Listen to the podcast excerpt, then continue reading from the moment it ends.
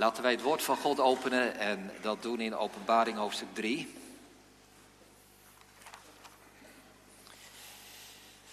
Openbaring 3, vers 14 tot en met 22.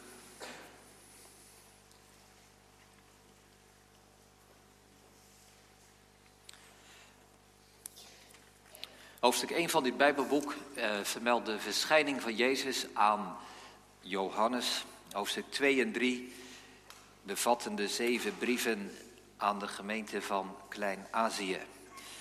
En het gedeelte dat wij gaan lezen is de zevende brief aan Laodicea. Vers 14 tot en met 20, om precies te zijn, bevat deze brief en de twee slotversen 21 en 22 zijn afsluitend van hoofdstuk 2 en 3 in zijn geheel. Laten we dit samen lezen. Hier spreekt het woord van God en schrijf aan de engel van de gemeente in Laodicea. Dit zegt de Amen, de getrouwe en waarachtige getuige, het begin van Gods schepping. Ik ken uw werken en weet dat u niet koud en niet heet bent. Was u maar koud of heet. Maar omdat u lauw bent en niet koud en ook niet heet, zal ik u uit mijn mond spuwen. Want u zegt, ik ben rijk en steeds rijker geworden en heb aan niets gebrek.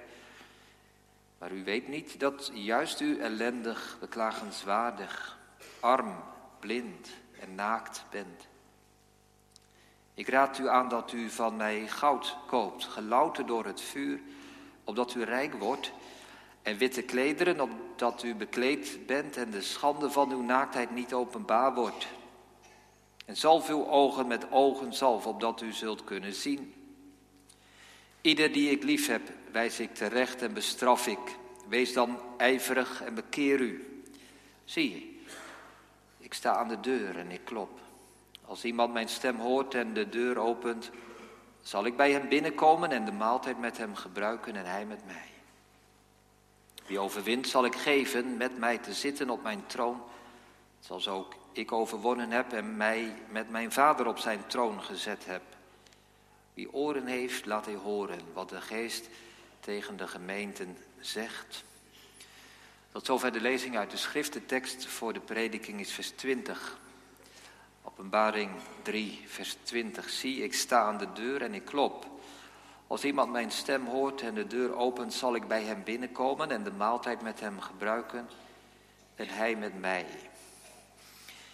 De klop op de deur. Het thema dat ik boven de preek zou willen schrijven. De klop op de deur. Drie gedachten. Ten eerste wat Jezus verlangt. Ten tweede wat Jezus doet. Ten derde wat Jezus vraagt. Het eerste wat Jezus verlangt vinden we aan het einde van het vers. Hij wil binnenkomen en de maaltijd gebruiken. Wat hij verlangt. Wat zijn doel is. Het tweede wat Jezus doet. Drie dingen. Hij staat. Hij klopt. En hij laat zijn stem horen. De tweede gedachte wat Jezus doet. Het derde wat Jezus vraagt. Als iemand de deur opent. Doe de deur open, dat is zijn vraag.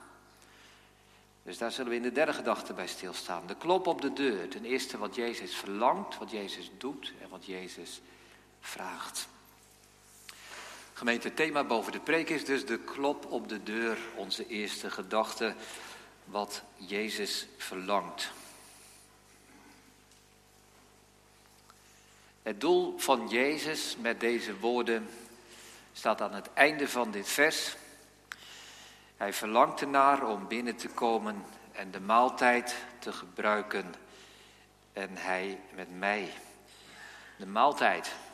Jezus gebruikt hier het voorbeeld, de beeldspraak van een maaltijd. En als we een beetje thuis zijn in, in, in het oude Oosten, zeg maar, eh, het oude Israël, dan weten we dat in de Bijbel de maaltijd het teken is van vriendschap, van harmonie, van eenheid en verbondenheid. Je nodigt mensen die je als je vrienden beschouwt uit voor de maaltijd. En als er ruzie en verdeeldheid is geweest, Als er oneenigheid en gebrokenheid was, maar dat is hersteld en bijgelegd, dan wordt die nieuwe verzoening bezegeld met een maaltijd. Denk bijvoorbeeld aan de gelijkenis van de verloren zoon. Wat doet die vader als zijn zoon terugkomt en de relatie wordt hersteld? Een maaltijd. Wat doet Zacchaeus? Of wat zegt Jezus, beter gezegd? Ik wil bij je in huis zijn, de maaltijd gebruiken. Dus dat is een teken van verzoening.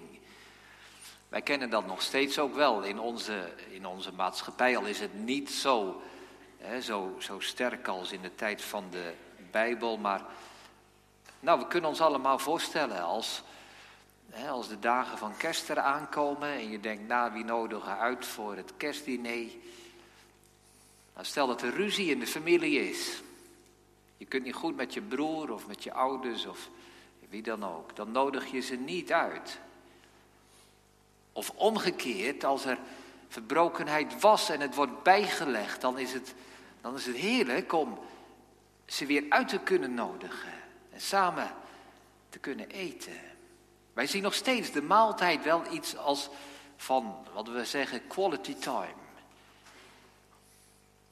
Als je samen als man of vrouw, of als je verkering hebt als jongen, als meisje, moment samen wil zijn, goede tijd wil hebben, dan ga je, ga je uit eten.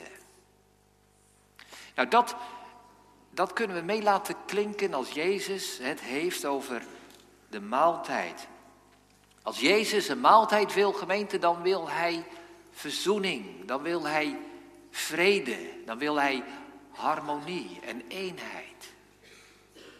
Dus wat verlangt Jezus, onze eerste gedachte? Hij verlangt dat er eenheid en vrede zal zijn. En daarvoor staat hij aan de deur en klopt hij. Kinderen, stel je nou voor, hè. Jullie voelen wel aan dat als Jezus deze woorden spreekt, dat hij dat niet echt letterlijk doet, dat hij aan de deur staat. Jezus gebruikt een beeld. Maar stel je voor, kinderen, dat Jezus dit echt zou doen. Dus jij bent thuis en de bel gaat. jij gaat naar de deur en je doet open en je ziet, je ziet Jezus staan. Kinderen, hoe zou die eruit zien? Wat zie je dan voor je? Nou denk je, als ik aan de Heer Jezus denk, dan zie ik iemand met een doornenkroon op zijn hoofd. Dan zie ik iemand die gebukt en gebogen gaat, misschien wel van de pijn op zijn rug omdat hij gegezeld is.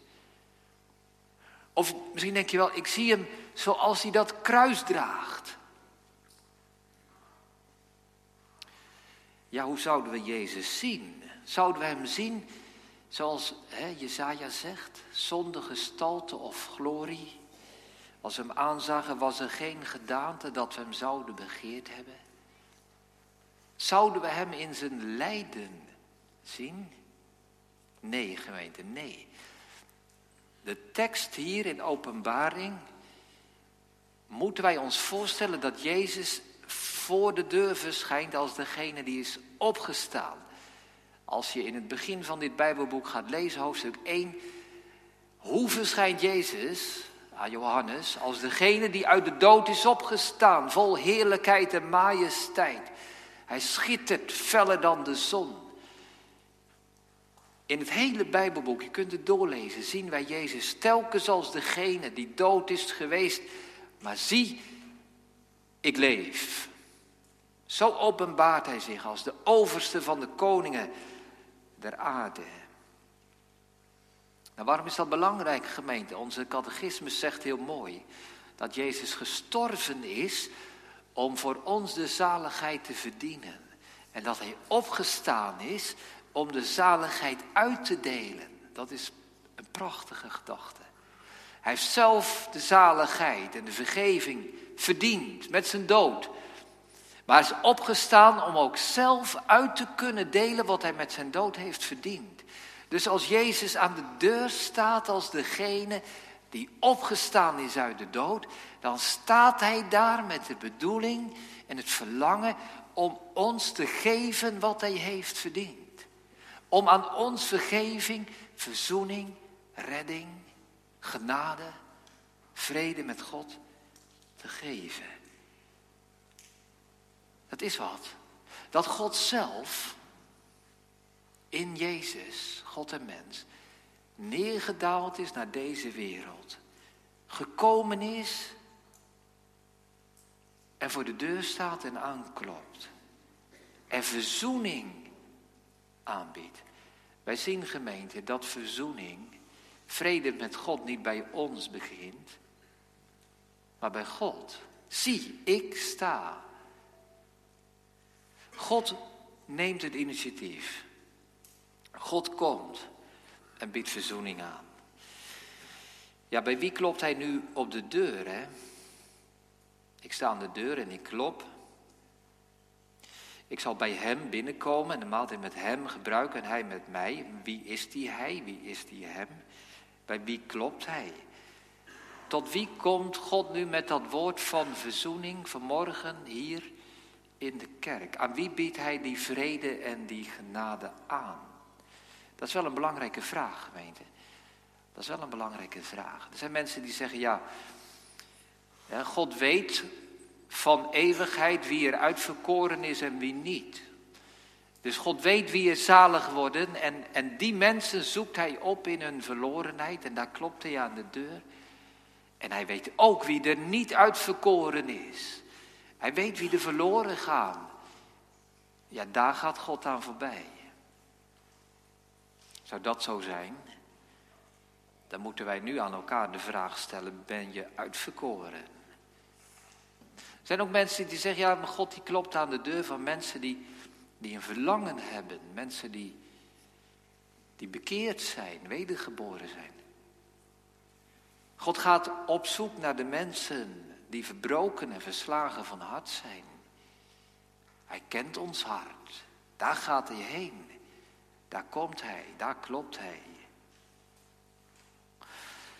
Nou, er zijn nog allerlei meer variaties. Maar, maar de vraag is natuurlijk deze gemeente. Klopt Jezus bij u, bij jou, bij mij vanmorgen? Zoals we hier zijn. Klopt Hij op de deur van ons hart? Nou, om een antwoord op die vraag te vinden, moeten wij kijken naar het geheel van dit Bijbelgedeelte. Het was gericht aan de mensen van Laodicea. En die krijgen in ieder geval te horen dat Jezus aan de deur van hun hart en leven klopt. Wat waren dat voor mensen? Nou, ze dachten dat ze rijk waren. Dat staat in vers 17. U zegt, ik ben rijk en steeds rijker geworden en heb niets gebrek. En die rijkdom van die mensen, dat is niet dat ze, hè, dat ze het financieel goed hebben, dat ze miljoen op de bank hebben of zo, of uh, in overdaad kunnen leven. Is geestelijke rijkdom. Die mensen zeggen, wij zijn geestelijk rijk. Wij zijn gelovige mensen, we hebben de Heilige Geest ontvangen, we hebben aan geen ding gebrek. Dus die mensen vonden zichzelf heel wat. Maar dan staat erbij, maar u weet niet dat juist u ellendig, beklagenswaardig, arm, blind en naakt bent. Dus die mensen die dachten dat ze rijk waren en ze waren arm. In het vers daarvoor staat zelfs, de versen daarvoor, u bent niet koud en niet heet. Was u maar koud of heet. Maar omdat u lauw bent en niet koud en ook niet heet, zal ik u uit mijn mond spuwen. We, we proeven de afkeer en de afschuw in de woorden van Jezus als hij naar die mensen kijkt. Lauwe mensen. En het ergste is misschien nog wel, u weet niet dat u arm bent. Die mensen die denken dat ze zo geestelijk zijn. En ze zijn het niet. Nou, zijn dat dan hè, uh, ingezonken christenen? Zijn dat dan mensen die gelovig zijn, maar helaas op een laag pitje zitten? Ik denk dat de situatie nog erger was. Dit waren naamchristenen, dit waren mondbeleiders. Dit waren mensen die zichzelf voor de gek hielden, zichzelf bedrogen. Het waren geen eens echte christenen. Ze hadden geen geloof. Ze vonden zich zo geestelijk. Maar ze hadden niets. Ze waren trots op een geestelijke rijkdom die ze niet hadden. Het was allemaal maar, maar buitenkant. En van binnen dood, arm, blind, beklagenswaardig. En toch gemeente, en toch klopt Jezus op hun deur. Zelfs bij deze mensen. Dus als het zo voor het eerst geklonken heeft, dit vers, openbaring 3, vers 20, aan die mensen gericht is, dan weet ik zeker dat ik vanmorgen mag zeggen, deze tekst komt tot ons allemaal. Mensen die verlangend zijn, mensen die zoekend zijn, mensen die onverschillig zijn, zelfs mensen die denken dat ze gelovig zijn, dat is toch wel het schrikbeeld wat je het ergste schrikbeeld wat je in kan denken. Mensen die denken dat ze gelovig zijn en het niet zijn. Zelfs die mensen worden door Jezus opgezocht. En zelfs bij die mensen zegt Jezus, ik heb het verlangen om met jou de maaltijd te gebruiken. Om die eenheid en die harmonie en verzoening met jou te ervaren. Ik kom naar jou toe om je liefde te geven en redding en zaligheid. Hij komt, gemeente, vanmorgen naar ons allemaal. En dit is zijn verlangen. Het verlangen van Jezus, dat er, dat er verzoening is en vrede met God, is duizend keer groter dan dat ons verlangen is. Want hij staat er hè, voor de deur met zijn geschenken die hij met zijn dood verdiend heeft. Hoe groot is die liefde van de Heer Jezus geweest? Dat hij zichzelf in de dood gegeven heeft. En ook na zijn opstanding draagt hij nog de tekenen van zijn lijden met zich mee tot in alle eeuwigheid. Openbaring 4 en 5 zegt dat het lam daar staat als geslacht. Zo staat Jezus voor de deur. Hoe groot is Gods liefde geweest dat Hij zijn enige geboren zoon gegeven heeft. Omdat hij zag op de beloning, namelijk onze redding. Veel van onze aarzelingen, veel van onze twijfels, gemeente, rond dit punt, hè, hebben hiermee te maken. Ben ik wel welkom bij God, vragen we ons dan af. Is God nu gewillig of niet? Mag ik bij hem komen? Nou, vaak veronderstellen wij dat, dat God niet gewillig is. En gemeente, dit kan ik vanmorgen wel zeggen. Zolang we niet ervan overtuigd zijn dat God verlangt naar uw, naar jouw redding, zit de zaak op slot en zit de deur op slot.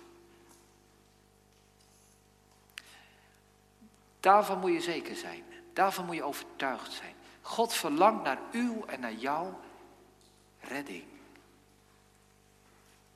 Misschien heb je hem altijd wel buitengesloten. heb je die klop van de Heer Jezus wel gehoord. Maar denk je, ik wil hem niet binnen hebben. Want als Jezus binnenkomt in mijn hart. Als Jezus de puinhoop van mijn leven ziet. Dan zal hij wel zeggen, ik, ik verklaar dit onbewoonbaar. Verbranden die troep. Weg ermee. We zijn bang dat Jezus binnenkomt. We denken dat hij de deurwaarder is, die klopt. Die komt om dingen van ons te halen. Maar gemeente, Jezus komt niet om dingen van ons te vragen, maar dingen aan ons te geven. Hij komt geen dingen van ons halen, maar hij komt genade brengen. Want God heeft zijn zoon niet in de wereld gezonden, opdat hij de wereld veroordelen zou maar opdat de wereld door hem zou behouden worden. Dat is onze eerste gedachte. Wat Jezus verlangt, gemeente, is om met u en met jou de maaltijd te gebruiken. Onze tweede gedachte, wat doet Jezus? Hoe geeft hij uiting aan dit verlangen? Stapt hij zo maar binnen? Nee, gemeente, hij klopt. Hij vraagt om toegang. Hij breekt niet in, hij breekt niet open. De tekst zegt dat hij die, drie dingen doet. Ik sta aan de deur en ik klop als iemand mijn stem hoort. Drie dingen dus. Hij staat, hij klopt, hij spreekt. Ten eerste, hij staat. Ik vind dat toch wel een heel mooi woordje. Ik sta, zegt Jezus. Ik sta stil. Hij staat voor de deur En Jezus staat stil. Waarom staat hij stil? Omdat hij gemeente bij jou moet zijn, bij u moet zijn. De deur van jouw hart is zijn bestemming. Hij loopt niet voorbij, hij staat stil. Hij is uit de hemel gekomen naar deze aarde. Waarom kwam hij? Om te stoppen en stil te staan voor jouw deur. Daar moet hij zijn. Daar moet hij wezen. En hij vraagt of hij binnen mag komen. Ik moest terugdenken in de voorbereiding van de preek aan, vroeger toen ik hè, jongere was. En dan gebeurde nog wel eens in, in de preek of zeker in het gebed dat de dominee dan, dan bad en vroeg, heren wilt u, wilt u de, de rijen en de paden nog eens doorgaan? En misschien dat sommigen van ons die uitdrukking kennen. En als jongere stelde ik me dat zo voor, hè, dat, dat God zo door de gemeente trok en al die, al die rijen van mensen zag zitten. En dat God daar tussendoor ging. En dan dacht ik, zou God nou wel eens een keer bij, bij mij stoppen? Of zou die doorgaan? En dan dacht ik, ja, hij zal wel doorgaan. Hij zal bij mij wel niet stoppen. God gaat zo langs en hij passeert veruit de meeste mensen. Misschien wel iedereen. Of misschien één iemand die hij, daar stopt hij. Nou gemeente, weet u wat er in de tekst staat? Ik sta, ik sta stil. Als God door de rijen en de paden gaat vanmorgen in de Victorkerk, staat hij bij iedereen van ons stil. Op dit moment staat Jezus stil bij u, bij jou. En hij vraagt of hij binnen mag komen. Hij laat zijn stem horen. Waarom laat hij zijn stem horen als hij voor die deur staat?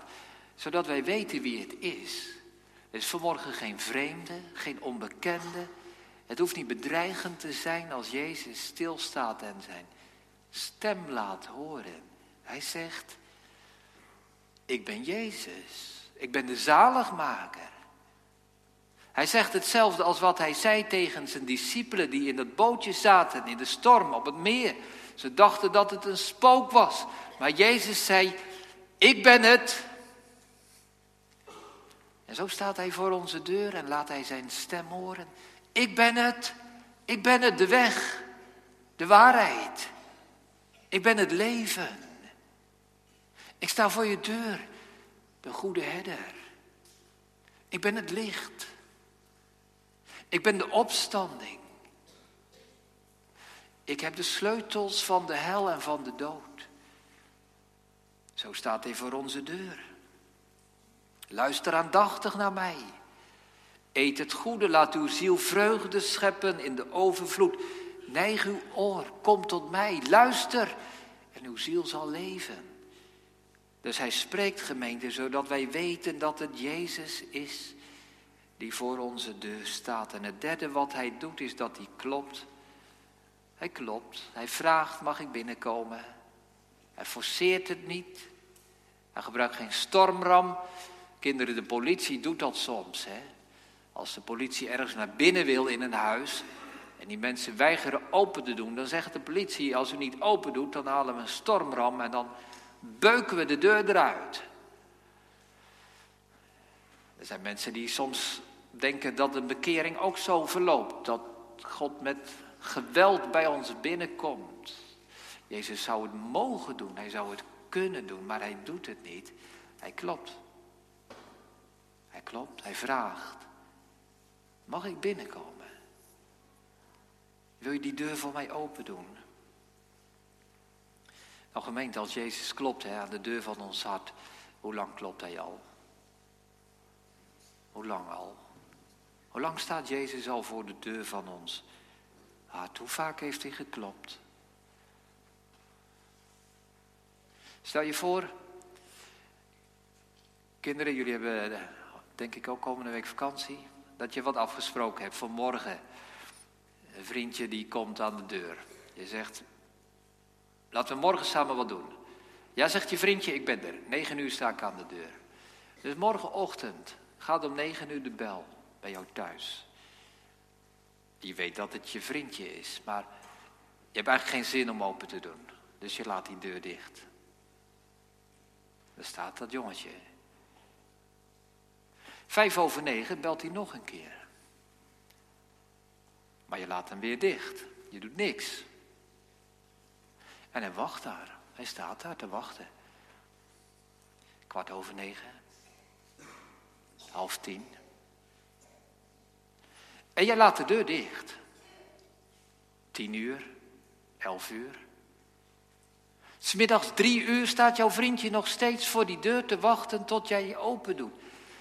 Ja, dat, dat, dat gaat toch niet? Hè? Je zou je toch schamen dat die jongen daar staat en wacht en wacht en wacht.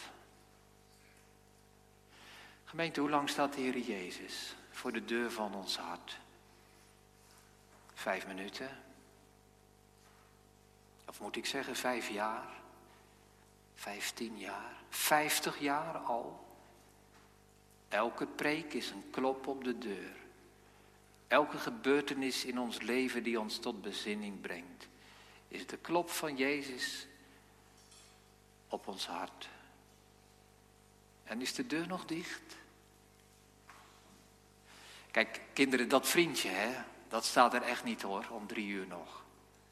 Die is om kwart over negen alweer weggegaan, of misschien nog wel eerder. Logisch, waarom zou die nog wachten? Hij gaat weg. Gemeente, waarom, waarom staat Jezus nog steeds voor de deur van ons hart? Waarom gaat hij niet weg? Nou, het eerste is gemeente, ik zeg het nog maar een keer. Hij staat nog voor die deur, omdat die deur dicht is. Wij laten hem niet binnen. Er zijn zoveel dingen die wij in ons leven binnenlaten, waar de deur bij voorbaat voor open staat. Alle media, alle programma's, alle boeken, eh, films, eh, zinloze dingen. Het stroomt naar binnen, de deur staat open, kom daar maar in. We laten het allemaal binnenkomen in ons hart. Die dingen hoeven niet te kloppen. De deur staat al open. Maar Jezus moet kloppen, blijkbaar is de deur dicht. Ja. En dat vraagt Jezus als hij klopt, gemeente. Dat wij voor hem open doen. Misschien vindt u, misschien vind jij dit wel een wat ongemakkelijke tekst. Hè? Dan denk je, ja, hangt het dan toch van de mens af? moeten we dan toch blijkbaar een vrije wil hebben of zo om Jezus binnen te laten? Moeten wij kiezen voor Jezus? Nou, die tekst zegt niet wat wij kunnen, die tekst zegt wat wij moeten doen. Hem toelaten. De praktijk van ons leven laat zien, gemeente, dat we het niet doen.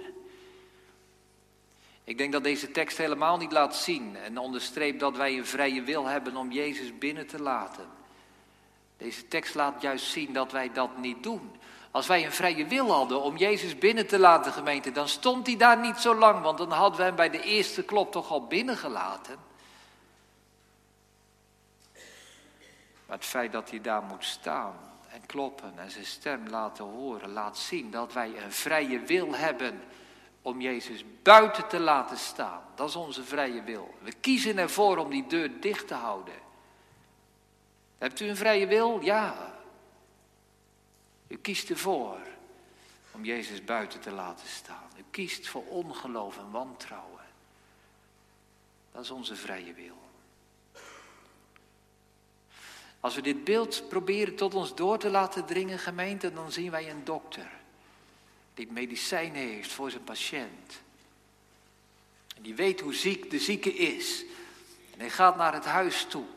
En hij klopt aan en hij zegt, ik heb het medicijn dat je leven redt. En de patiënt zegt van achter de gesloten deur, ah, dokter, loop maar door. Het is de weldoener die naar het hutje gaat van de bedelaar.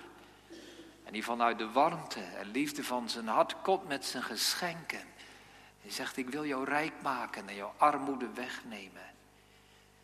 Maar de bedelaar hoeft hem niet. Het is de koning die zijn boodschappen zendt naar iemand die hoogverraad heeft gepleegd. En die de dood schuldig is. En die zegt, ik breng je de brief van vergeving. En de verrader die wil de deur dicht houden. Gemeente, waarom staat Jezus nog aan onze deur als dit onze toestand is? Waarom gaat hij niet weg, hè? Na vijf minuten of een kwartiertje. Waarom blijft hij staan? Waarom blijft hij roepen en kloppen? Omdat Jezus er naar verlangt dat wij gered worden. Dat is het antwoord. Omdat Jezus veel beter beseft wat er gebeurt als die deur dicht blijft. Christus kent de angst van de hel en de diepte van de verlorenheid. En daarom blijft hij staan en klopt hij en roept hij. Ook vandaag staat hij stil. We gaan naar onze derde gedachte. Wat Jezus van ons vraagt. De tekst zegt als iemand de deur open doet, opent. Als iemand, wie ook maar, de deur opent, dan zal ik bij hem binnenkomen. Dus gemeente, daar ligt de scheidslijn. Hè? Er gaat een tweedeling door de gemeente, ook vanmorgen. Waar ligt die scheidslijn? Bij degene die de deur wel open doen en degene die de deur niet open doen. Daar valt de tweedeling. Wij hebben vaak allemaal vragen die we kunnen stellen. Heb ik wel voldoende zondekennis? Heb ik wel voldoende geloof? Ben ik wel bekeerd? Ben ik uitverkoren?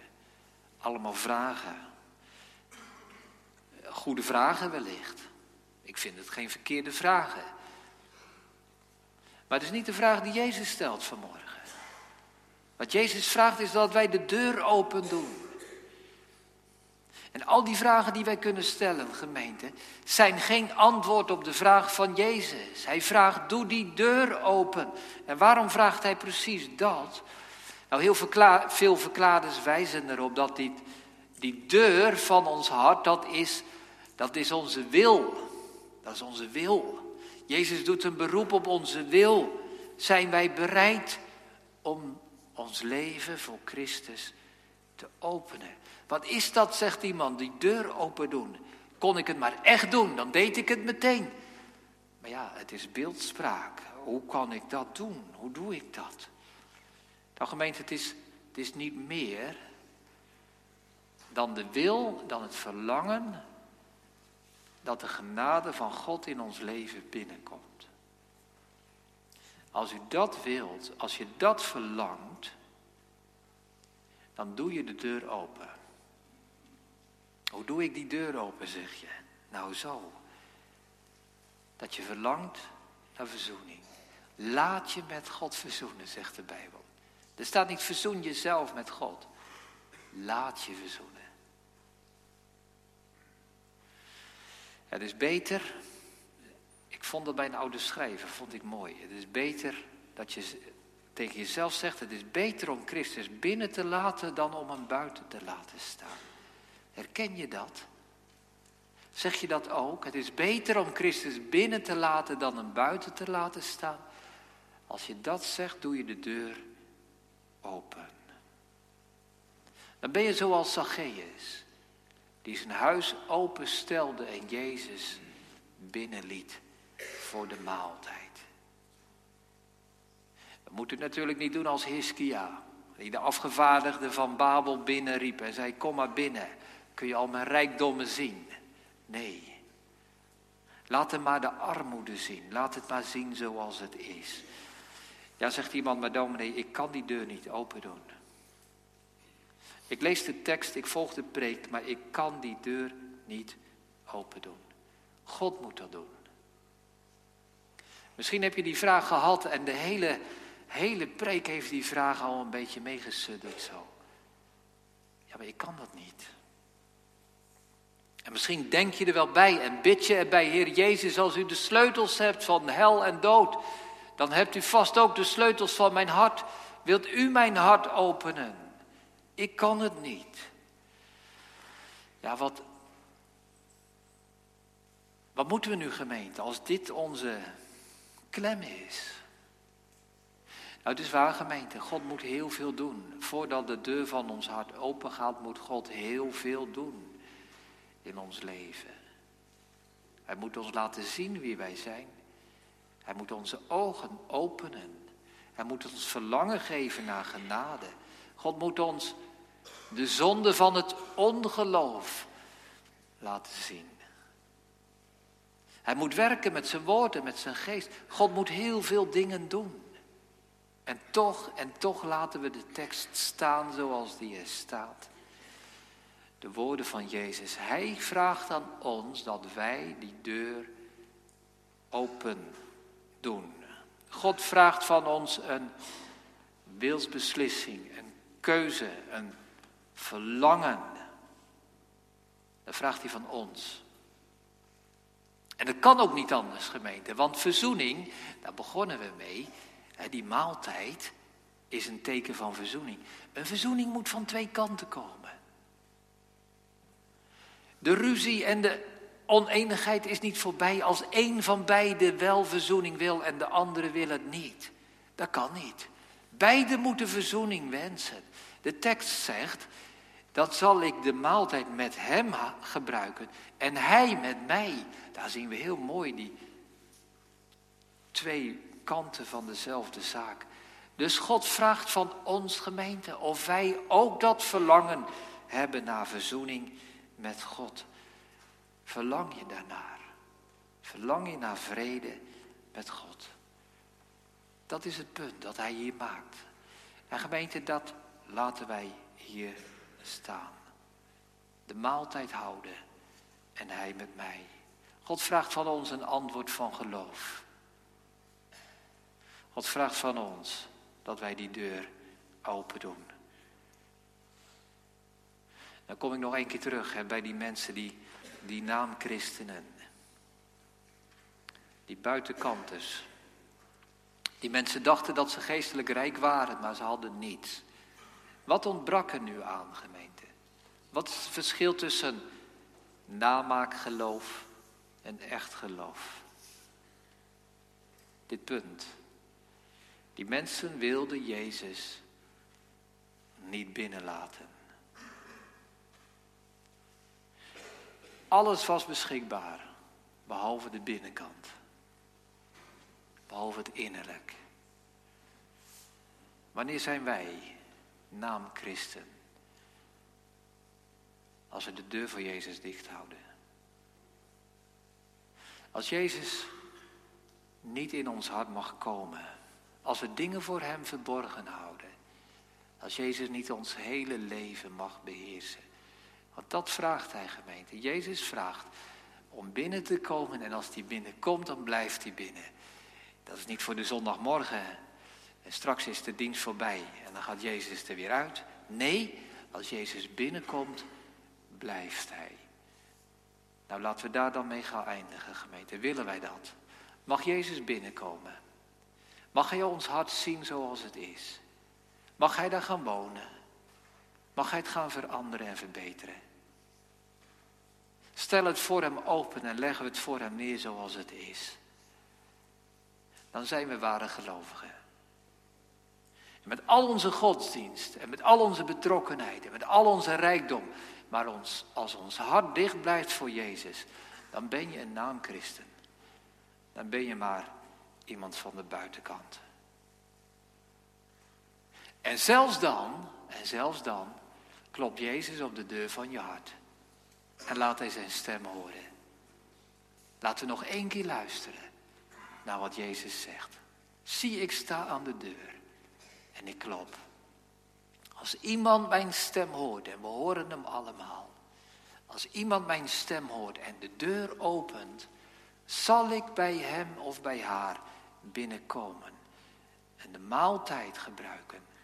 En hij en zij met mij. Amen.